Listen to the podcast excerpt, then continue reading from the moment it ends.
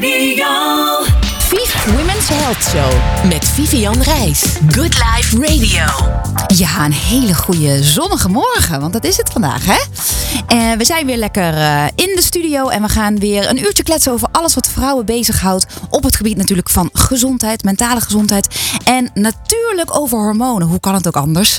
Met mij in de studio, maar vooral ook met al onze gasten die we vandaag hebben. Want we hebben twee gasten vandaag die eigenlijk alles ons kunnen vertellen over, eh, over de hormonale gezondheid. Ehm te gast vandaag Bart van Wanrooy. Hij is al eerder geweest van mijnlabtest.nl. Yes. eh, die ons lekker eh, gaat bijpraten over de nieuwste testen die we kunnen doen. Om onze gezondheid een beetje te meten. Ja, helemaal goed.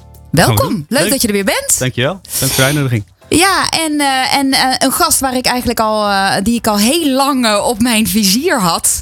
Patricia Dijkema. Patricia is eh, nou, fertility coach, dus vruchtbaarheid en menstruatiecoach. En nou, ik, ik leer ook nog af en toe van jou. Ik vind, je hebt echt ontzettend ja, veel kennis in huis. Eh, je helpt heel veel vrouwen met vruchtbaarheidsproblemen. Pet je af en daarom wil ik jou heel graag hier in de studio hebben omdat ik denk dat heel veel vrouwen baat hebben bij jouw informatie. Welkom Patricia. Ja, top. Dankjewel, Vivian. Hartstikke leuk. Ja. Ik um, ja, vraag gerust. En kijk, eh, ik ben net als jij moeder, ondernemer. Maar uh, ik, uh, ik spreek vrouwen die veel troubles hebben met hun cyclus. Ja. En tegen allerlei problemen aanlopen. En dan stuur ik ze aan het werk. Ik zet ze aan het werk. Je zet ze aan het werk. Kijk. ik zet ze aan het werk met voeding, leefstijl en supplementen Ja. natuurlijk. Hè? Ja. En er is veel te doen, ja, wat dat betreft. Ja, want wat, even helemaal terug naar het begin. Waardoor ben je dit gaan, gaan doen? Is dat vanuit een eigen behoefte? Heb je, had je zelf ook veel last van je menstruatie of vruchtbaarheidsproblemen? Menstruatie, ja, heftig. Al vanaf de puberteit, echt waar. Ik ging kruipend over de badkamervloer tijdens mijn menstruatie. Oh ja. Was echt zo heftig. Dus ja, nou goed, eh, je kent het. Het eh doorsnee recept naar de huisarts en aan de pil. Ja. En zo ben ik dus jaren doorgegaan totdat ik eh, nou op een gegeven moment in de perimenopauze kwam. Eh, ik ben nu 53, dus ja. het begon wat te rommelen wat betreft richting de overgang. Nou ja, dat was zo heftig. Dus ik dacht bij mezelf, oh gast, waarom heb ik dat niet eerder aangepakt? Mm. Hè? Wanneer begon dat ook weer ongeveer bij jou? 46. Ja, precies. Ja. Hm. Ja. Dus, ehm, nou ja, goed. eh, vanaf drie- 2003 heb ik praktijk. ja. En ehm, ja, je leert steeds meer. En je eigen proces is natuurlijk het voorbeeld weer voor andere mensen. Daar duik je in. En vervolgens eh, komt er iedere keer een stukje bij waarmee je anderen kunt helpen. En voor mij ligt het voornamelijk in vruchtbaarheid. Want eh, ja. Iedereen denkt altijd dat ze iedere dag eh, zwanger kunnen raken, eh, de hele maand vruchtbaar zijn. Maar dat is natuurlijk Nee. niet zo. Nee. Dus toen, eh, ja, je kent de menstruatiecyclus. Het bestaat eigenlijk uit vier verschillende fases. Je hebt de fase van menstruatiedagen. Dan daarna kom je in de fase voor de ovulatie. Dan is de ovulatie op zichzelf al een evenement in je, in je cyclus. Mhm. Eigenlijk het meest belangrijke moment in je cyclus. En dan ga je na de ovulatie, waarin je dus meer energie hebt. En dan kom je weer aan het menstrueren. Waarom vrouwen eigenlijk zich veel rustiger moeten houden. Eigenlijk veel meer tijd voor zichzelf moeten besteden. Aandacht aan zichzelf. Zodat het ook minder klachten kan geven. Het is eigenlijk net als de seizoenen. We zitten Ja. nu in de lente. Ja. Dus we zitten in de fase na de menstruatie. Hè, alles gaat weer bloeien, groeien. Ja.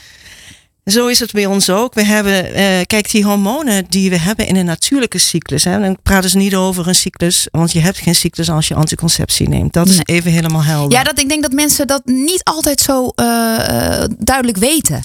Hè? Dat je echt gewoon geen cyclus hebt. Dat de pil dan toch echt jouw natuurlijke cyclus blokkeert. En dat het soms daarom ook langer duurt om zwanger te raken als je stopt met de pil. Omdat die Klopt. natuurlijke cyclus echt weer op gang moet komen. Ja, Ja. in de regel duurt het drie maanden.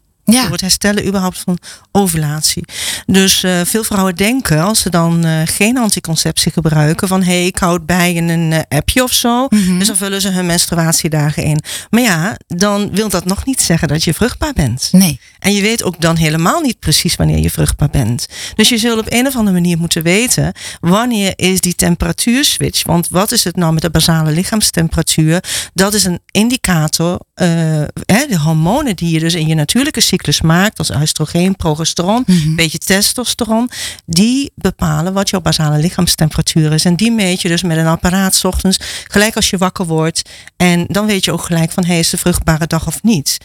En uh, ja, kijk, de dames die dus een anticonceptie hebben, en dus ook met spiralen en zelfs ook met koperspiraal, verstoort toch de cyclus. Ik heb dames die uh, wel hun basale lichaamstemperatuur gemeten hebben, terwijl ze een koperspiraal hadden, maar ook dan zie je dus verstoring aan hun lijf. Ja, toch? Ja, ja, ja. helaas. En kan je heel even iets uitleggen over die basale temperatuur? Want ik denk dat heel veel vrouwen denken, oké, maar hoe doe ik dat? En, want jij, we, we, gaan nu heel snel van het een naar het ander. Uh, um, maar we komen straks nog uitgebreid terug natuurlijk op vruchtbaarheid, ook met, met Bart. Want er is een, uh, ik denk dat er best wel veel vrouwen op dit moment kampen met, nou, niet zo snel zwanger worden als dat ze zouden willen. Yes. Um, en ik zie zelf ook, uh, ik doe weinig één op één meer, maar ik, ik, ik heb zoveel moeders die mij mailen en zeggen, mijn dochter heeft nu al PCOS.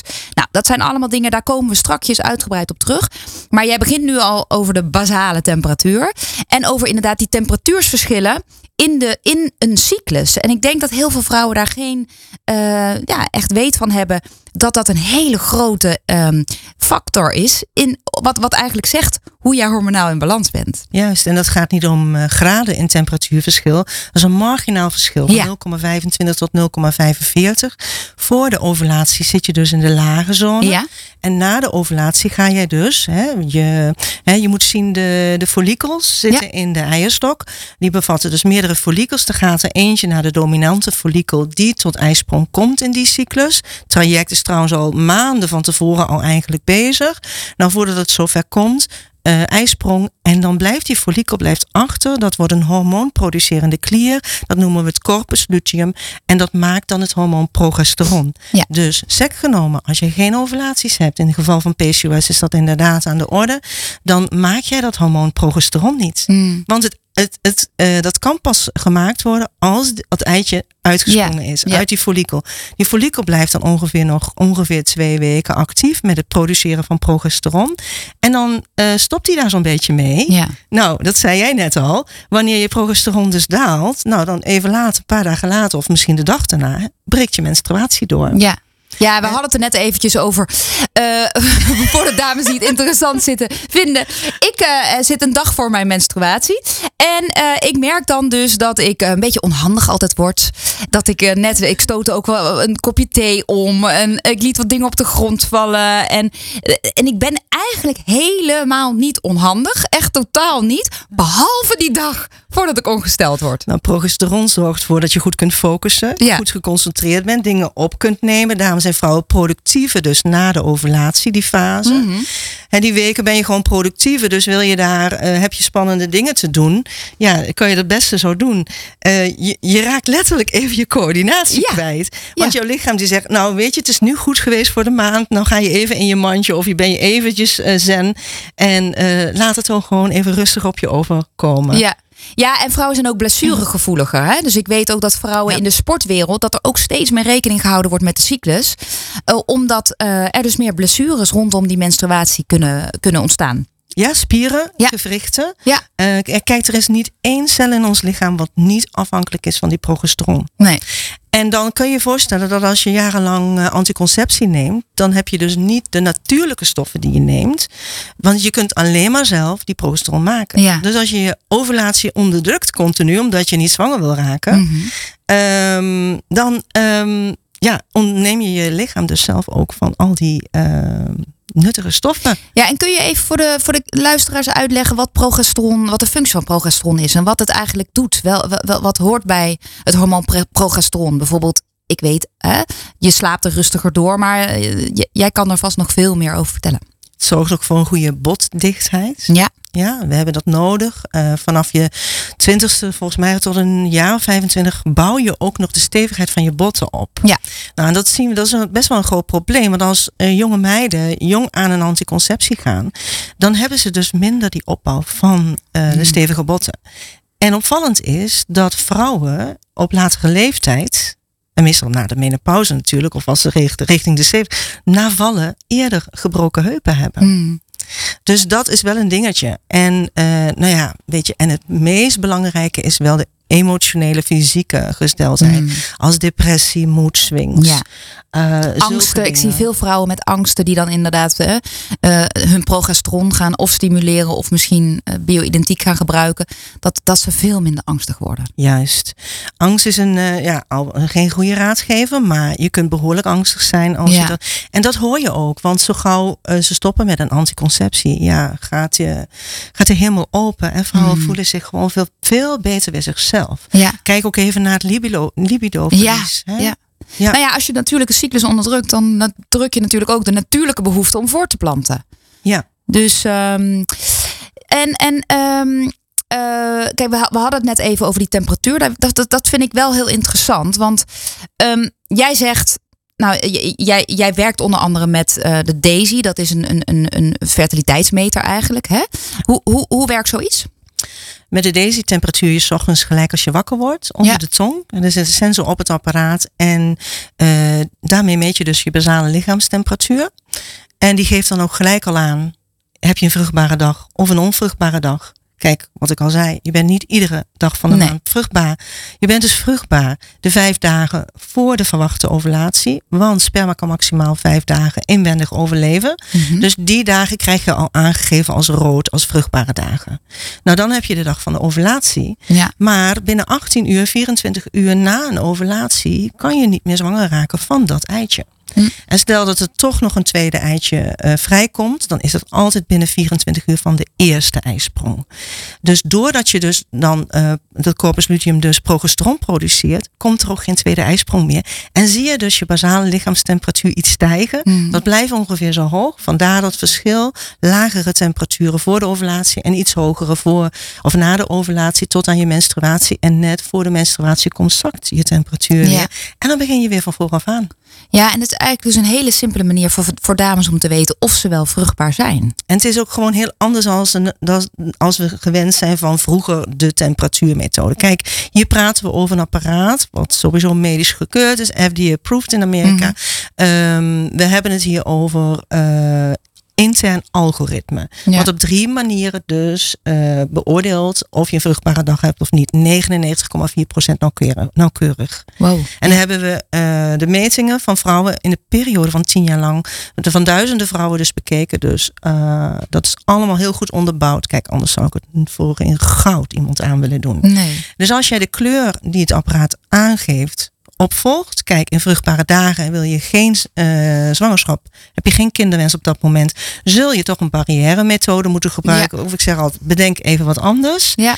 En dan daarna eh, ben je uit je vruchtbare dagen. Ja. En, maar wat, want laten we naar die PCOS even gaan. Want voor die Ja, daar komen, we, daar komen we zo Oh, op. Ik wil, ik wil heel graag even Bart aan het woord laten. Want eh, we hebben het over hè, nu het, het meten is weten. Hè? Ja. Eh, nou, daar ben jij natuurlijk een grote voorstander van. Zeker. Ja, want weet je, ik merk ook dat, dat we kunnen hormonen, vind ik persoonlijk heel goed eh, in kaart brengen door symptoom. eh, hè, door kijken naar de symptomen. Daar kan je echt al heel veel uit aflezen. Maar je wilt soms gewoon dingen testen. Zoals jij, hè, Patricia, wat jij nu zegt, je wilt weten, ben ik vruchtbaar überhaupt? Hè? Wat gebeurt er met mijn lichaamstemperatuur? Nou, nou hebben, hebben jullie bij mijn labtest.nl hebben jullie heel veel testen rondom hormonen eh, ontwikkeld. Klopt. Ja, ja, we zijn natuurlijk altijd aan het kijken van hoe kunnen we nu die hormoonspiegels zo goed mogelijk in kaart brengen. Ja. Om eh, nou, vrouwen in dit geval inzicht te geven in ja, hoe staat het nu met, eh, met je hormonen. Ehm, omdat we zien dat er gewoon heel veel problemen optreden. Hè. Je gaf het net al even aan, hè, PCOS. Eh 1 op de 6 vrouwen heb ik begrepen Ja. heeft daar last van. Ja, dan zie je dat ook terug in eh, hormonen die afwijken. Hè. Dus je ziet vaak dat eh, FSH en LH dat het uit balans is. Je ziet vaak dat het eh, AMH, dat zijn de voorraad van, eh, van eicellen, dat Ja. dat eh, heel erg hoog is. Hè, omdat die vrouwen dus grotere eistokken hebben, Ja. meer eiwitten of ehm, eicellen bij zich dragen. Ja, dat soort dingen kun je heel goed eh, uit het bloed halen. Mhm. En, ehm, ja, en, dan, en dan krijg je informatie over ja, hoe, je er, hoe je ervoor staat hormonaal. En dat fluctueert wel een beetje. En iedere waarde aan zich ehm, ja, eh, geeft niet een uitsluitsel. Maar als je dat combineert, als je de belangrijkste waarden eh, voor fertiliteit en, en, en PCOS en, en, en eh, vrouwenhormoon gerelateerd, als je dat combineert, dan krijg je denk ik een heel goed beeld ehm, ja, of de ingrediënten er zijn, zeg Mhm, maar, mhm. om, eh, om tot een goede menstruatiecyclus te komen. Ja. Eh, en om ja, hoe het zit met je vruchtbaarheid. Ja, want ik werk, wij werken al langer samen. Ik werk veel ook met jouw hormoonprofieltest, waarbij je een beeld krijgt uh, to, uh, tot de verhouding, zeg maar, oestrogeen en progesteron. Ja. Ik vind dat een hele mooie test. En dan zie je toch wel dat er heel veel vrouwen, we hebben het natuurlijk nu net gehad over progesteron allemaal oestrogeen dominant zijn. En vaak inderdaad hè, een ijsprong missen. Nou, ook gezien de leeftijd, perimenopauze, dan sla je een ijsprong over. Maar ook leefstijl. Zie je dat veel bij jullie terug, Bart? Ja, het zien we heel veel terug. Dus uh, we, we, zien dat er heel, dat het een topic is. Hè. We zien ontzettend ja. veel zoekvolumes. Ja. We zien dat vrouwen op zoek zijn naar uh, hoe zijn mijn hormonen ervoor. En. Uh, wel interessant dat je dat zegt over die hormoontesten. Kijk, we hebben natuurlijk ontzettend veel hormonen. Hè. Je hebt in het stressbereik heb je hormonen. Je hebt schildklierhormonen. het, het communiceert allemaal met elkaar. En je hebt uh, natuurlijk je, je, je vrouwelijke hormonen zoals oestrogeen, progesteron. Maar ook hele specifieke, ja, zeg maar PCOS, uh, uh, fertiliteitshormonen. Zoals het antimulehormoon en, en nog een aantal andere zaken. Hè, LH, FSH. En um, um, dus een, een vrouwenhormoontest maken is best wel ingewikkeld. Omdat je maar zeg vijf, zes, zeven hormonen goed uit een vingerprik test kunt halen. Dus dan moet je eigenlijk gaan kiezen. Hè. Wil, je, wil je wat meer op die stresshoek zitten? Wil je wat meer op die stofwisseling zitten? Of wil je wat meer op die fertiliteit, uh, CQ-vrouwhormonen zitten, noem ik maar even. Hè. Dus ook het progesteron, oestrogeen uh, schaak ik daar even onder. Um, nou, en omdat we zien dat het zo'n groot probleem is, hebben we besloten om ja, toch ook echt een test te maken die inzoomt op, uh, op, op, op PCOS-klachten en fertiliteitsproblemen. Ja. omdat dat gewoon uh, ontzettend belangrijk is en vraag naar is om daar wat duidelijkheid in te kunnen verschaffen.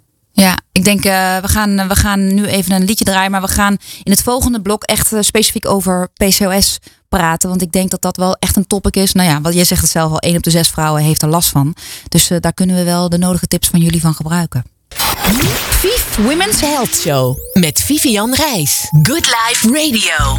Ja, als de muziek gedraaid wordt, dan komen altijd hele, hele andere gesprekken in één keer daarboven. Ja. En uh, we hebben het net natuurlijk uitgebreid gehad over uh, dat vrouwen ongeveer zes dagen per maand vruchtbaar zijn. Maar dat mannen daar soms heel anders naar kijken en daar ook geen weet van hebben. En dat, dat je inderdaad vaak misschien als man denkt, nou, hup, die pil eruit, dan zijn we heel snel zwanger. Ja. Maar jij deelde net een, een, een, bijzonder verhaal met ons. Nou ja, dat klopt. Ja, we raakten even in gesprek. En, uh, en uh, jullie vertelden natuurlijk dat, dat, Je vertelde van ja, je bent niet altijd zwanger. Ja, als man dacht ik dat dus inderdaad ook wel. Niet altijd vruchtbaar. Niet ja. altijd Gelukkig ook niet altijd zwanger. Heel goed dat je nou, zijn voor je. Heel, heel goed dat je ja. dat even herstelt. Ja, dat is wel een wezenlijk verschil. Nee, je bent niet altijd vruchtbaar. En, en, en veel mannen denken dat wel. Ik zit een beetje in de leeftijd waar vrienden om me heen ook, ook kinderen krijgen en, en aan beginnen. Ja. ja en als wij met mannen daar een pilsje drinken, dan is het van ja, dat is toch zo geregeld. Ik weet hoe het moet. Hè? Ja, ja. En dan is het zo geregeld. Ja. Nou, dat is dus niet zo. Nee. En uh, ja, daar ben ik zelf ook wel achter gekomen. We hebben ook wel best wat langer over gedaan om, uh, om tot een zwangerschap te komen. Ja. Um, dus dat vertelde ik ook even dat dat, dat dat gelukt is. Maar ik ben er dus gaandeweg inderdaad wel achter gekomen dat dat, ja, als je weet hoe het moet, wil niet zeggen dat het ook gelijk lukt. Nee. Dat, uh, dat, dat, is wel een dingetje, ja. Nee, en ik denk dat heel veel vrouwen, Patricia, misschien herken je dat wel, ehm, misschien een heel ander moment ehm, denken dat hun, dat, dat hun ijsprong dan is, terwijl Juist. die misschien op een heel ander moment is. Oh, ik voel iedere maand mijn ijsprong krijg ja. je dan. Maar dat wil nog niet zeggen dat daadwerkelijk de ijsprong is. Ja. Want je kunt vooraf, kan je al uh, steken in je onderbuik hebben. Mm. Of aan één specifieke kant. En uh, even een belangrijk detail, timing is de key. Mm -hmm. En wanneer is de timing? De timing is dus voor de verwachte ovulatie. Ja. Daar moet je iedere dag om de dag gemeenschap hebben. Mm -hmm. Want het sperma moet er namelijk al zijn op het moment dat de ijsprong is, om zo snel mogelijk dat eitje te kunnen bevruchten. Ja. Zie dus. Um, en, en, het is dus ook niet altijd zo precies in het midden van de ziektes. Dan zijn er nee. vrouwen die misschien een week na hun menstruatie al een ijsprong hebben. En wat, Hmm. mm. dus hè, wat sneller dan, dan, dan 13, dag 13, 12, 13. Ja, de variatie zit inderdaad uh, dag 13, 14, 15, 16, 17. Ja, toch wel later. En bij PCOS is het natuurlijk een ander verhaal. Ja. Want er kan later zijn of helemaal geen ijsprong. Maar um, op het moment dat jij dat voelt, kan het ook zijn dat die follikel toch al wel gegroeid is. Mm -hmm. uh, dus aan de omgeving uh, signaal geeft. En om eigenlijk open te gaan, maar nog niet daadwerkelijk open gaat. En wat het vervelende is, want dat, daarom is het wel mooi dat jij uh, ook uh, met labtest dus, dus de uh, waardes kunt bepalen. Want als je dat dus doet met een ovulatietest, dan mm -hmm. kun je meerdere keren in de cyclus een positieve ovulatietest hebben. Hmm. En wat is de enige manier dat je weet dat je een ovulatie hebt gehad? Dat is eigenlijk een echo, inwendige echo. Maar goed, we gaan niet de hele dag bij de dokter in de stoel liggen. Hallo. Dat doen we gewoon weer. niet. um, dus um, het bewijs dat je ijsprong geweest is, is dat je basale lichaamstemperatuur stijgt. Ja, ja. Ja. En dat weet je doordat je je cyclus volgt. Dus daarom heb je inzicht in je cyclus. Je kunt het heel mooi synchroniseren naar de app. Dus je hebt echt veel meer uh, zien. En kijk, een menstruatiecyclus kan de ene maand uh, eh, 31 dagen zijn, mm. de andere maand 29 dagen. Ja. En inderdaad ook, die ovulatie kan wat wisselen. Ja. En dat is niet erg. Tot 35 dagen uh, is heb normale. je een regelmatige ja. menstruatiecyclus. Kom je daarboven, is het wat onregelmatiger. Maar nogmaals, het is het belangrijkste dat je een ovulatie hebt. Ja, precies. En uh, Bart, nog even terugkomend op, uh, op de testen, zeg maar. Uh, hè, want um, jullie, jullie meten, hebben een oestrogeen-dominantietest, wat heel relevant is hè, voor heel veel vrouwen. Ik denk ook dat, het, nou, dat dat een van de oorzaken is dat de meeste vrouwen, vooral in die, in die leeftijdscategorieën 20, 40, heel veel klachten hebben. Um, boven de 40 ga je die meer perimenopauze in, dus dan, dan nemen hormonen af. Er verandert heel veel, dus dat, dat is met name ook een veroorzaker van klachten. Maar wat, wat is nou wat jullie, wat je ja, het makkelijkst kunt testen, waar, waar, waar je het meeste valide beeld meteen uit krijgt? Ja, dat heeft eigenlijk te maken met het aantal biomarkers wat je erin kunt, uh, kwijt kunt. Ja. Dus, en, en het doel van de test. Dus um, ja, als je zit met een verdenking op PCOS of, uh, of uh, verstoorde menstruatiecyclus of een zwangerschapwens, en dan zul je andere dingen moeten meten dan alleen progesteron en oestrogeen. Um, dus het gaat een beetje om het doel van de test. En dat moet op een goede manier bepaald worden. Maar als je dat, als je dat bepaald hebt, dan is denk ik, um, als we praten over PCOS, een test waarbij je gewoon verschillende facetten mee moet nemen. Uh, dus een FSH en een LH, maar ook uh, een antimulehormoon, wat eigenlijk aangeeft hoeveel uh, eicellen er, er nog zijn, als het ware. Dat heeft ook stuk met fertiliteit te maken, is vaak verhoogd bij mensen met, met PCOS. Vaak veel eicellen, zeg maar. Dat is op zich ook een goed punt. Hè? Dus niet alleen maar negativiteit omtrent PCOS, dat is ook op zich een, een, een goed punt. Maar ze rijpen niet zo dat er een ijsprong komt. Ja. Klopt. En ja. dat is voornamelijk ook afhankelijk natuurlijk de voedingsstoffen die paraat moeten zijn om uh, die follikel goed te voeden. Want als die goed gevoed is, kan, uh, he, kan die dus open gaan. Maar daarna kan die dan ook kracht geven. Heeft hij goed voedsel opgebouwd. Dus kracht geven om voldoende progesteron te maken. Ja. Want het heeft absoluut geen zin om dus net na je menstruatie of in je menstruatiedagen een progesteronspiegel te bepalen. Nee.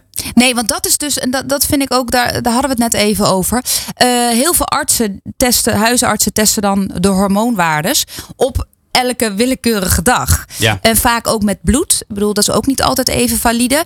Um, maar hormonen fluctueren natuurlijk. Dus hoe, hoe werken jullie dan uh, bij labtest? Ja, daar houden we natuurlijk rekening mee. En ja. um, waar mogelijk, um, ja, je hebt ook vrije hormonen en, en gebonden uh, hormonen, zoals testosteron. Je hebt vrij testosteron, gebonden testosteron. Als we alleen naar testosteron kijken, dan hebben we liever vrij testosteron dan gebonden testosteron, of totaal testosteron, zoals je het ook wel noemt. Omdat het een meer, meer beeld geeft van het actief vrij beschikbare testosteron. Ja. Dus als we dat uit speeksel kunnen halen, dan is dat altijd prettig. Is ook minder invasief. Hè? Dus je hoeft niet te prikken, je kunt het makkelijk in een buisje spugen. Um, ja, en voor sommige panels, die zijn, die zijn wat moeilijker uit speeksel te halen. Ja, en dan hebben we een bloedtest, waarbij we dan wel aangeven wat, wat de juiste um, cyclusdagen zijn om het mm. af te nemen. Om ja. zo goed mogelijk beeld te krijgen. Hè. Inderdaad, je, hebt, je kunt er gewoon goed naast zitten hè, met, ja, de, met, de, met de afnamemomenten. Um, timing is alles. Timing Zo, is alles. Ja. en wat interessant is, met uh, speeksel is dat heel makkelijk. Want we krijgen heel veel vragen over. Ik heb een onregelmatige uh, cyclus. Um, ja, dus ik kan niet uh, zeggen, nou, dit is de uh, 21ste afnamedag, want dat weet ik niet. Nou, met speeksels voordeel, dan kan je samples afnemen een heleboel dagen achter elkaar, mm -hmm. tot 60 of 90 dagen als je wil, en die invriezen. Oh. En dan kan je met terugwerkende kracht, dat blijft goed. En dan kan je met terugwerkende kracht, kan je dan de juiste afnamedag kiezen. Dus ah. Dus als er, als er onregelmatige uh, cyclus is, dan uh, sturen wij vaak een heleboel buisjes op. En dan moeten die, uh, die dames dan ja, goed bijhouden en opschrijven welke buisje welke dag is afgenomen. Nou, en dan op een gegeven moment, als dan de menstruatie plaats is, kun je terugrekenen. En kun je de juiste, juiste dagen selecteren. En dat werkt eigenlijk hartstikke goed. Wow. Dat is gaaf. Want kijk, er zit standaard bijna wel vier, uh, eh, 14 dagen, dus twee weken van ovulatie tot de eerste dag menstruatie. Ja. ja. Ook bij PCOS. Ja. Ja. Ja, en dat kun je dus, dus goed, goed ondervangen door gewoon veel meer samples af te nemen. Ja. En, uh, en dat, uh, ja, dat, dat, dat werkt gewoon heel erg goed. Dan moet ik wel zeggen dat wij een aantal waarden uh, om, om PCOS uh, in, in, beeld te brengen. Ja, daarbij is het lastig, want dan doen we het uit bloed. Dus dan moet je dat toch, uh, ja, dan moet je toch een moment bepalen waarop je, waarop je een vingerprikje mm -hmm. uitvoert, een paar druppels bloed afneemt. Um, maar door, de, ja, door de, het aantal biomarkers krijg je dan nog steeds wel een, een beetje inzicht in een lijn. Hè? Dus je, je meet ook testosteron erbij. Ja. dat is bij, bij PCOS-klachten ook vaak verhoogd. Ja. Dus um, prolactine, oestrogeen, progesteron. Dus ja, je hebt wel een aantal markers. En dan zie je toch vaak wel dat, dat als je het vermoeden hebt, dat er dan toch ook wel een aantal waarden af gaan wijken. Ja, precies. En als je net op een ongunstige dag zit, of uh, omdat het fluctueert, dan wil nog wel eens een van die waarden, uh, vals positief, vals negatief, of in ieder geval mm -hmm. een, een, iets ander beeld geven dan misschien een paar dagen later. Maar dan de breedte van de test bepaalt wel dat je toch vaak wel een goed inzicht krijgt ja. in, in welke hoek je zit. Dus je krijgt er wel een lijn uit. En als mensen die test doen bij jullie, dus je hebt onder andere, nou, die, die is dus nieuw, hè, de PCOS-test. Ik denk uh, heel erg waardevol voor heel veel vrouwen, maar ook dus de oestrogeen-dominantietest. Jullie doen ja. cortisolmetingen, schildklier, je doet het allemaal. Hè? Ja. Um, en heel erg gemakkelijk, want je kunt het gewoon lekker thuis doen. Ja. Um, maar, uh, en dan? Want ze krijgen een, een, een, een advies. Maar vrouwen met PCOS bijvoorbeeld, die moeten wel echt aan de bak. Die moeten zeker uh, aan de bak, uh, heb ik begrepen. Ik heb natuurlijk geen ervaring mee, maar ik heb het wel begrepen. Um, nee, wat we doen, we geven een consumentvriendelijke rapportage. Dus we leggen wel uh, uit wat die hormonen betekenen. Mm -hmm. En geven een aantal ja, hele basic lifestyle tips. Maar dat is vaak niet genoeg. Dus wat we doen is, uh, op onze website staan een aantal partners waar je dan uh, terecht kunt uh, ja. om een afspraak in te plannen. En we hebben zelf een leefstijlarts um, waarmee je een consult in kan plannen. Ja, ja. Dus ja, als mensen direct bij ons ook met een leefstijlarts willen spreken, dan kan dat. Ja. of, of we verbinden door naar een professional die daarbij bij kan helpen. Ja. Mooi. Hey Patricia, ja, uh, PCOS is dus een van jouw uh, uh, specialiteiten eigenlijk. Um, ja. Ja, vertel, wat is de oorzaak dat, dat zoveel vrouwen, één op de zes, daar op dit moment last van heeft? Kijk, als je begint met menstrueren in je puberteit, is het normaal dat je de eerste drie jaar een wisselende cyclus hebt. Onregelmatige cyclus. Ja. Nou, voor heel veel is dat eigenlijk al de aanleiding om te zeggen: hé, hey, er is iets fout met mijn lichaam, dus daar wil ik, daar wil ik, dat wil ik gaan regelen. Nou, een anticonceptie gaat natuurlijk nooit je menstruatie regelen. Hè? Dat is iets, iets heel belangrijks. Dus um, daar moeten we rekening mee houden. Maar ook boven 35 jaar leeftijd gaat het gewoon al veranderen. Onze genen zijn zo geprogrammeerd dat we ja, niet tot in eindig door uh, zwanger kunnen worden, dus vruchtbaar zijn. Nou, en wat is het ding? Na stoppen van anticonceptie zie je vaak ook vanwege dat dus de, de insulineresistentie, wat een issue is, wat eigenlijk de meest belangrijke reden kan zijn voor uh, PCOS. En dat is puur omdat in die tijd van gebruik van anticonceptie, dus die eierstokken niet aan bod zijn gekomen. Mm. Buitenspel dus gezet zijn eigenlijk. Ja, ja, dat heeft best wel heel veel ja, consequenties. En daarom zei ik net ook, vrouwen moeten aan de bak. Dat klinkt misschien een beetje, het woordje moeten, mogen aan de bak. Want insulineresistentie, waar jij het over hebt, dus toch wel een probleem met de suikerhuishouding, is wel echt met leefstijl op te lossen. Juist, dan heb je goede voeding nodig, veel groente, fruit. Ja. Geen verpakte spullen waar hè, toegevoegde suikers in zitten. Dus puur, ga alles puur doen. Ja. En wat ik ook heel belangrijk vind, is toch die drie maaltijden op een dag. Ja. Vrouwen zijn heel snel geneigd hè, zich s'morgens eigenlijk als laatste nummer aan de beurt. Want eerst de kinderen en, en het huis en weet ik veel wat. Uh, voordat je zelf aan de beurt bent. Maar dat ontbijt is zo belangrijk. Um, voeg bijvoorbeeld wat collageen toe. Uh, tijdens je ontbijt. Wat doet collageen? Dat zorgt dat jij uh, een beter verzadigheidsgevoel hebt. Je geeft je lichaam daarmee extra eiwitten, bijvoorbeeld ook met rijstproteïne. -hmm. Dus heb je bijvoorbeeld een uh, schapenyoghurt, hè, en doe daar wat rijstproteïne in. Neem collageenpoeder we hebben van uh, de Universiteit van Maastricht hebben we duidelijk gekregen dat 40% verminderde eetlust is, is wanneer je tijdens je ontbijt dus uh, collageen gebruikt. En dat is natuurlijk ook gelijk heel mooi voor je haren, Zeker. je nagels, je, spieren, Ja. je darm. Want collageen bevat die glutamine. Die Ja. glutamine die verzorgt dus de binnenkant slijmvlies van je darmen. Nou, darm is de, is de key. Ja. Dan kom ik weer.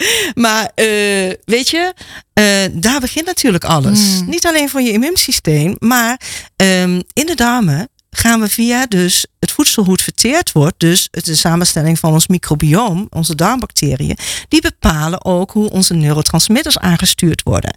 En dat zijn de stofjes, dat gaat naar je hersenen toe, in de, in de zin van de signalen naar de hersenen toe, wat dan dus uh, laat blijken van hey, voel je je prettig, uh, hè, hoe zit je in je vel? Mm. Ja. En, en daarom is dat zo belangrijk. Dus het zit heel veel met leefstijl, voeding. Patricia, ben je dan in, in de basis zeg maar geen fan van intermittent fasting? Of juist alleen primair bij vrouwen uh, liever niet? Met PCOS liever niet. Met PCOS Ik heb gezien dat al wanneer vrouwen, dus als inderdaad als ze zwaar PCOS hebben, uh, dan is dat al een issue. Die follikel heeft onvoldoende voedingsstoffen. Okay. Uh, het zijn de, de oestrogeen progesteron zijn de vetachtige hormonen. Die hebben dus cholesterol nodig en vitamine D3. Van die twee ga je pregnenoloon maken. En vanuit pregnenoloon maak je oestrogeen en progesteron. Ja. Als jij jezelf gaat uh, ja, lang vasten, Kijk, dan heb ik het niet over bijvoorbeeld een keertje doen. Hè? Maar uh, zit er dus een regelmaat in? wanneer je dus uh, s ochtends dan niet uh, start met een, met een ontbijt, redelijk op tijd, dan komt jouw lichaam in de stressfase. Ja, te weinig voedingsstoffen als En je hebt nou eenmaal heb je wel die voedingsstoffen nodig. Koolhydraten heb je ook nodig. van goede aard. En want de meeste vrouwen die vliegen er gelijk uit s mm, ochtends. Die zijn best wel heel erg actief. Dus um, ik, ik, ik ben liever een voorstander van dat je zegt, s'avonds na het avondeten, na acht uur s'avonds uh, niets meer nemen. Nee, zeg ik ook altijd. Uh, lekker kopje thee, uh, heerlijk relaxed. Kijk, alcohol is ook trouwens een dingetje met PCOS. Ja. Hè? Ja. In het algemeen denk ik wel. Ja. ja, nou, maar voornamelijk vanwege die suikers. Ja. Dus um, s'avonds dus na acht uur niet. En dan um, ja, dan heb je al de hele nacht. Ja, ik zeg dat heb ik, ik heb precies hetzelfde. Kijk, ik, ik, ik weet dat er een ontzettende intermittent uh, fasting trend is. Maar als het gaat om hormonale gezondheid bij vrouwen, bij mannen is het echt weer anders. Maar bij vrouwen die al al die ballen in de lucht houden, die al misschien een cortisolontregeling hebben, um, daar, daar raad ik eigenlijk niet langer dan 12 tot 13 uur vasten aan. Wel die 12 uur om dat lichaam gewoon lekker die rust te geven en te herstellen. Maar heel veel langer niet. Want je ziet precies wat je zegt. Vrouwen schieten er ook een een beetje uit. Je, je, je ziet die cortisol al, dat wordt een beetje rillerig, eh, ontregeld. Hè, je als ziet het te lang vast. Je zit het letterlijk aan het verloop van de cyclus. Ja. De cyclus is ons vijfde lichaamssignaal. Naast hartslag, ademhaling, bloeddruk, saturatiewaarde, de zuurstofwaarde in je bloed. Is nummer vijf is het verloop van je menstruele cyclus. En daarom is het zo mooi als vrouwen dus starten met het monitoren, dus de temperaturen met het apparaat. Want daardoor krijg je heel mooi inzicht. Dus ik heb ook uh, vrouwen die, die heel intensief topsport doen. Of met uh, wedstrijden meedoen waarin ze met hun voeding uh, heel schaal gaan. Hè? bodybuilding, of hoe heet dat? Nee. ja, ja, dat is geen, een heel laag vetpercentage. Juist. Ja. Nou, niet gezond. We weten het toch? Als je te weinig voedsel hebt, kijk even naar anorexia bulimia. Die vrouwen hebben geen ovulaties. Dus dat kun je een beetje zo, uh, nou ja, niet gelijkzetten. Maar um, bij PCOS is dus uh, de intake van goede vetten van belang. Omega 3's, inderdaad voldoende D3. Mm. En dan zit ik echt tot 6000 eenheden per dag. Echt ja? Ja, zeker. Hmm, ja. want, als, want dat is ook nog het ding. Heb je net van tevoren dus uh, anticonceptie jarenlang genomen? Gemiddeld tien jaar, hè, wat een vrouw anticonceptie neemt voordat de eerste kinderwens is. En wat ze dan vaak hebben, dat ze dan, als ze na de zwangerschap weer bij wijze van spreken willen beginnen, ja, dan hebben ze zoiets van, ja, ik weet hoe het was met anticonceptie. Dus ik wil het liever nu niet. Hmm. Ik zag in het begin heel stellig, dat was de eerste groep die hier in Nederland ook startte met uh, de basale lichaamstemperatuur meten met het apparaat. Nu zie je gelukkig ook steeds meer jongere meiden. Ja, Hè?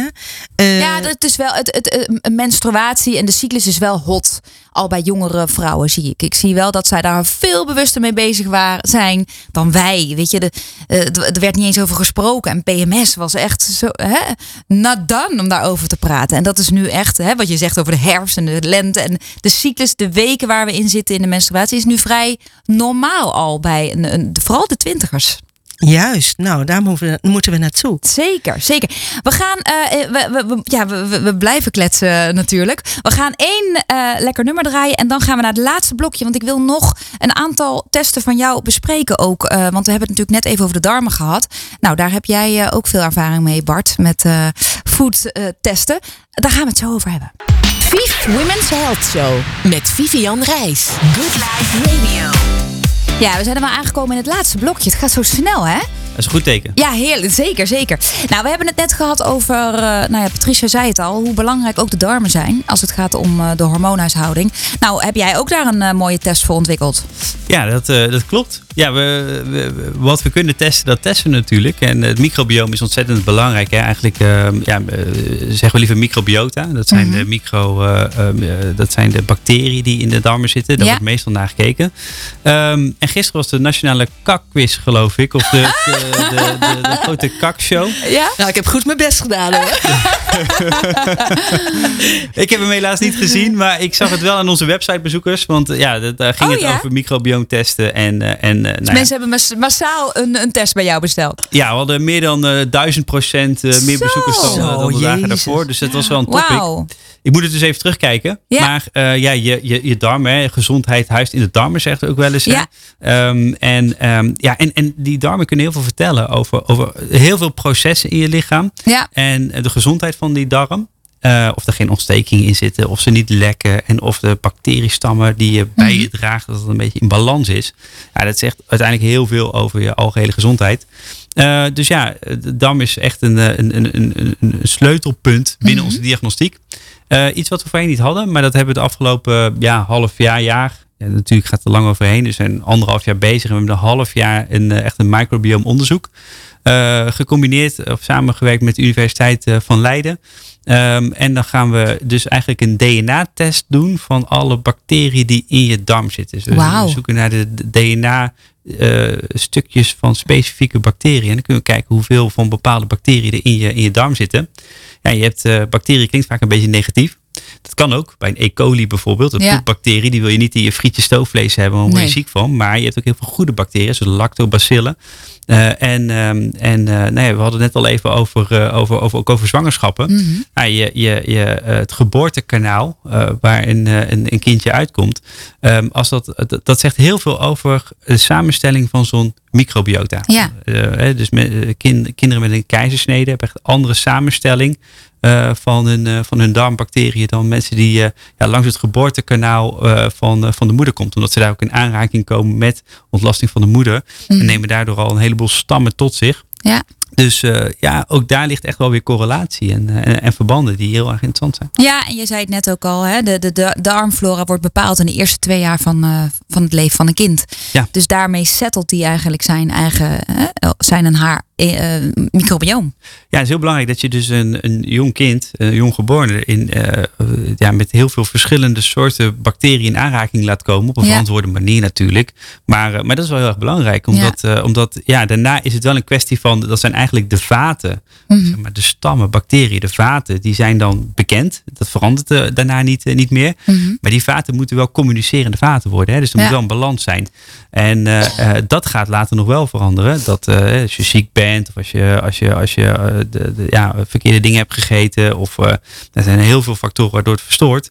Maar uh, antibiotica. Die, antibiotica, ja, tuurlijk, zeker. Ja. En bij die, die vaten, die moeten wel, eh, wel, wel allemaal op, plek, op, de, op de goede plek staan eigenlijk. Ja, en wat ik, wat ik recentelijk heb gelezen is dat je, je darmflora kan al, als je wandelt in de natuur, echt in de natuur, in de bossen, binnen een half uur kan dat al een gunstig effect hebben op jouw eigen darmflora.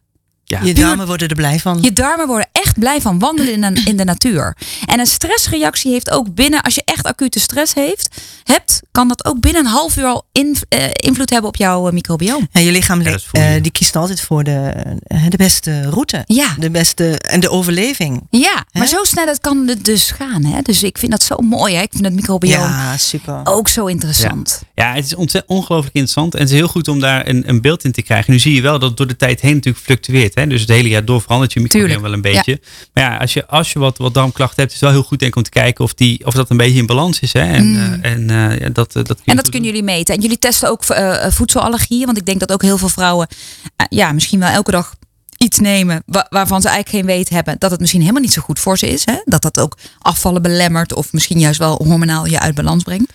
Ja, nee, dat, dat is zeker heel erg belangrijk. Uh, het is natuurlijk, kijk, darmklachten komt gewoon voort uit heel veel facetten. Wat jij ook zei, stress, adrenaline dumpen ja. uh, in je darmen. Daar krijg je gewoon last van. Uh, ja. Daar krijg je obstipatie, constipatie en dat soort zaken van. Dus dunne ontlasting of dat je niet naar het toilet ja. kan gaan. Um, maar um, dan moet ik even terugkijken, waar waren we nu eigenlijk gebleven? Jij vertelde aan mij de vraag.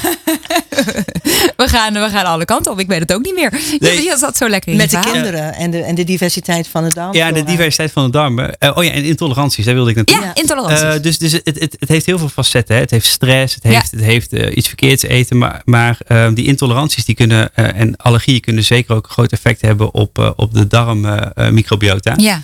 Eh, nou zijn intoleranties wetenschappelijk wordt er nog wel eens, is dat nog wel eens discutabel. Hè? Je hebt Ja. IgG-antistof en IgE-antistof. IgE zijn eh, zeg maar allergieën en Mhm. IgG dat zijn intoleranties. Wordt niet altijd erkend. Maar Nee. moet je eerlijk zeggen, in de praktijk zien wij wel heel vaak dat als een, eh, een, een, een torenhoge IgG eh, van een bepaald voedingsmiddel eh, gevonden wordt. Dus een hoge intolerantiewaarde, zeg ja, maar. Ja. Ehm, dat je dat dan vaak ook wel, eh, als je dat na gaat vragen, dat je dan vaak ook wel te Ja. horen krijgt dat daar inderdaad wel, eh, wel klachten vandaan komen. En dat zijn vaak wel een beetje dezelfde voedingsstoffen. Hè? Eh, eh, de- ja, koemelk, eh, soja, tarwe, pinda's. eh, dat, dat zijn toch ei, eiwit soms, eigeel soms, kip. Dat, dat zie ik toch wel regelmatig terug. Ja, en dat vind ik wel interessant, want dat is inderdaad wat het meeste terugkomt. Ja. Maar ook waar mensen zelf, als je een beetje gaat googelen, of dan ga je dat ook wel zelf vaak eerder elimineren. Maar als het vanuit paprika komt of vanuit ananas, dan denk je, ja, dat zal het niet zijn. Nee, of, of een beetje Ja. honing. Maar dat kan Ja. ook een, echt een zware Ja. verstorende factor geven. En dan, dan is zo'n test denk ik no- zeker nog interessant. Nou, ik zie het ook bij veel vrouwen die heel veel avocado's eten en toch een histamine-reactie eigenlijk krijgen van avocado. En zeggen altijd als ik het eet krijg ik een loopneus. Maar ik moet het eten van jou, want ik moet elke dag een avocado eten. Ik zeg ja, maar als jij elke dag een loopneus krijgt, dat betekent dat jouw lichaam dat misschien helemaal niet tolereert. Dus dan is dat niet voor jou goed. Dus ik denk ook, ik adviseer ook mensen om altijd wel een test te doen om eens te kijken waar reageer ik nou op. Meten is weten, daar hebben we het natuurlijk vandaag over. Ja, precies. En juist die gezonde voedingsmiddelen, die, dat zijn een beetje de, sluip, eh, de Ja, sluiprovers. Want dan denk je, ja, dat zal het niet zijn. Ja, maar nee. dat kan het, dat kan het voor jou kan het zijn. Ja. Ieder lijf is anders. Ja, absoluut. Nou, ik vind het super interessant. En ik denk ook dat eh, eh, het, het belangrijk is om af en toe inzicht te krijgen in je eigen gezondheid. En eh, voordat je echt begint met, met nou ja, leefstijl eh, aanpassingen, zou ik iedereen aanraden. Maar soms kan dat net een extra zetje geven. Het kan je wat sneller de goede richting induwen. Precies. Hè, mensen zijn heel erg aan het zoeken. Dat is ook Ja. echt wel wat we merken. Hè. Mensen zijn aan alle kanten aan het zoeken. Ja, En dan kan het ook van alles zijn. ja, En ehm, uiteindelijk wil je die afbellen tot de kern.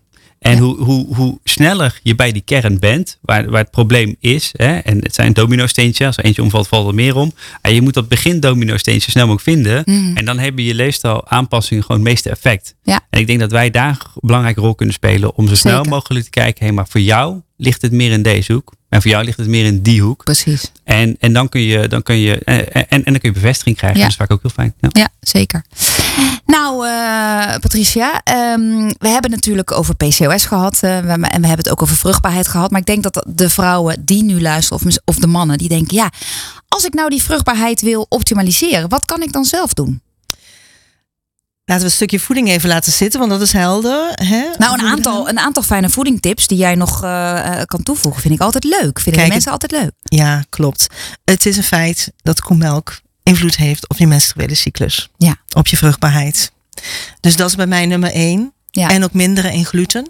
Mhm. Inderdaad, Ja. want dat is dan weer van de darmen. Nou, hè, dat, dat eh, hebben we net besproken. Dat het heel belangrijk is dat je die goed gezond houdt. Ja. Ehm, probiotica's zijn ook best wel oké hoor. Mhm. En die kun je ook in de zwangerschap gebruiken. ja. We weten dat wanneer vrouwen in de zwangerschap probiotica gebruiken, ehm, van, dat daar dus ook minder vroeg geboortes van komen. Is dat zo? Ja, Wauw. 1 op de 5 minder. Oh, dat is echt, hè? Dat is echt echt veel. 20 procent. En is dat ook zo dat je dat, het, eh, dat in de beste richting het einde van de zwangerschap kan doen? Of zeg je van nou dat zou ik gewoon. Bart spitse oren, want die zijn vrouwen zwanger. Dus Ik, ik, ik zit wel even op het puntje van mijn stoel. Ja, Ja. dat is belangrijk. Luister. Nee, kijk, daar, daar kan je gewoon gelijk al mee beginnen. Wat is namelijk belangrijk? De anamnese, de vragenlijst. Wat wij Ja, doen, we ja. willen gewoon weten van heb je al voordat je zwanger werd eh, last van je darmen? Zijn er klachten? Komen er dingen in de familie voor? Heb je zelf problemen met bepaalde voeding verteren? Eh, en je partner natuurlijk ook. Ik bedoel, de helft van de een en de helft van de ander. Dus ehm, dat. En het mooie is als je dat dus in de zwangerschap al gaat toepassen, heb je er zelf profijt van. Hè, want je hoort ook wel dat, dat toch ontlasting best wel een probleem kan zijn met eh, tijdens de ontlasting. Of sorry, tijdens de, de zwangerschap. Maar ehm, je voedt dus dan al gelijk je baby anders in de buik. Mm. En wat is het mooie om dat dus mee te geven? Eh, de opbouw van eh, het microbiome bij kinderen de eerste drie jaar. En ehm, ja, dat. Dus koemelk, gluten. Mhm. Dus ga naar boekweit, ga naar haver, ga naar uh, maismeel, zulke dingen. Hè? Neem glutenvrije crackers. Ben je fan van mais? Ik, ik raad het mais niet echt aan. Als het wel biologisch is. Dat is wel een, uh, wel een dingetje hoor. Want mm, we hebben natuurlijk een overcultuur uh, wat dat betreft ook binnen de mais, uh, mais ja, genetisch gemanipuleerd. En Ik ben daar, voorzichtig mee. Ja. daar blijf je dus bij weg. Ja, dus dat is wel een ding. Want bij biologisch staat er vaak GMO vrij. Genetisch gemanipuleerd vrij. Uh, dus dat. En zijn er nog supplementen die, uh, ja. die we kunnen aanraden aan, aan de dames en heren? Juist, voor de dames uh, B12. Ja. Heel belangrijk, want je geeft de B12 voorraad al mee tijdens de zwangerschap aan je jonge kindje. Dus voor de eerste paar jaar. Mm -hmm. actieve B12, dus methylcobalamine, als, adenosylcobalamine. En je vitamine D3. Ja. In combinatie met K2. Kan gewoon samen in druppelvorm op olie. Want het zijn vetoplosbare vitamine. Dus die heb je rijkelijk nodig. Niet alleen voor je eigen botten. Maar dus ook de botontwikkeling van de baby. Ja. Dus dat is al in de zwangerschap. Wat ik ook een hele belangrijke vind. Is dus vitamine C.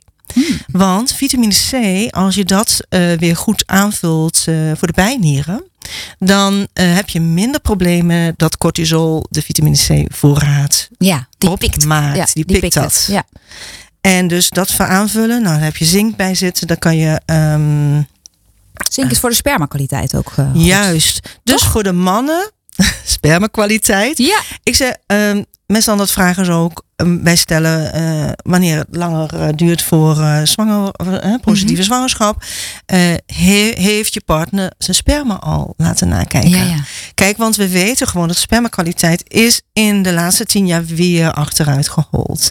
En waar komt dat door? Dat komt door mobieltjes in op zak dragen, straling. Dat komt door alles wat wij, hè, computeromgeving, wifi. Mm -hmm. Strakke boxershorts ook ja. toch? Ja, en fyto-oestrogenen, of uh, xeno-oestrogenen. Mannen ja. krijgen ook ja, te veel binnen. vrouwelijke hormonen binnen. Juist, Helaas. dus dat via de voeding en via de verzorgingsproducten. Ja. Uh, schoonmaak en haar en huidsverzorging. Zo die dingen. Um, dus daar is uh, Q10. Aha, ja. Want wat doet Q10?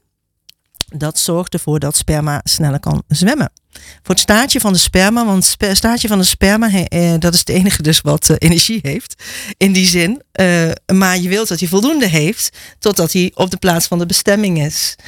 En ja. Ja, nou. Ubiquinol is Dus dat. de mannen moeten Q10 slikken sowieso, zink. En, en, en, en ja, sowieso denk ik een goede multi zou ik ze altijd aanraden. Vitamine D3. Magnesium. Selenium, Magnesium. wellicht ook, of niet? Selenium kan ook. Maar het zit vaak al in een goede multi inderdaad. En de vrouwen die mogen inderdaad lekker uh, de D3'en verhogen.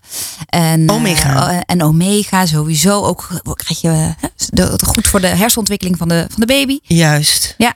Ja. En ook uh, de zwangerschapsdementie heeft vaak te maken met het, dat het eigen potje omega-3 Juist. zo aan het afnemen is. Toch? En we denken, we zeggen dan maar zo, oh, maar dat hoort er zo bij. Maar dat zijn de signalen. Kijk, Precies. Zorg ervoor dat je jezelf goed verzorgt. Want hè, daarna ben je de klos. Ja. Sta je gewoon 24 uur per dag sta je klaar. Ja. Als de baby huilt, ben jij er. Dan moet je echt dus, gaan zorgen. Uh, dus ja. zorg goed voor jezelf. Be prepared, Bart. Ja, ik ben er klaar voor. Maar uh, uh, overigens, ja? we hebben ook een omega-3 test, hè? Dat ah, is prachtig. Kijk. Dan kun je de verhouding tussen Ja. omega-3 en omega-6 in beeld brengen. Ja. En ook de type omega-3 vetten. Dus sommige mensen hebben namelijk moeite om ALA Ja. ja. om te zetten naar EPA en DHA. Ja. En het Heimers testen heel mooi uit. Dus Oh. Nou jongens, ik, ik zou met jullie nog uren door kunnen praten. Dus uh, ik denk dat wij, uh, wij dat ook zeker nog doen. Uh, nou ja, de labtest, mijnlabtest.nl, daar vind je natuurlijk alle testen. Als mensen meer willen weten, ook op mijn website. Patricia, ik denk dat wij nog zeker nog een keer verder in gesprek gaan over vruchtbaarheid. Vind ik heel leuk, Leuk, voor, mijn, voor mijn doelgroep. Ik wil jullie ontzettend bedanken als mensen informatie willen over jou. patriciadijkema.nl denk ik, gewoon je, je eigen website. En over het apparaat waar we het net over hadden, dat was de Daisy.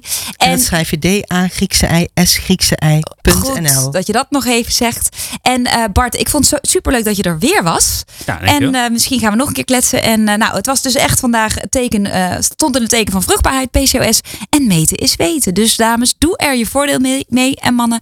En uh, ik wens jullie allemaal een heerlijke dag toe. Tot de volgende keer. Vief Women's Health Show met Vivian Reis. Good Life Radio.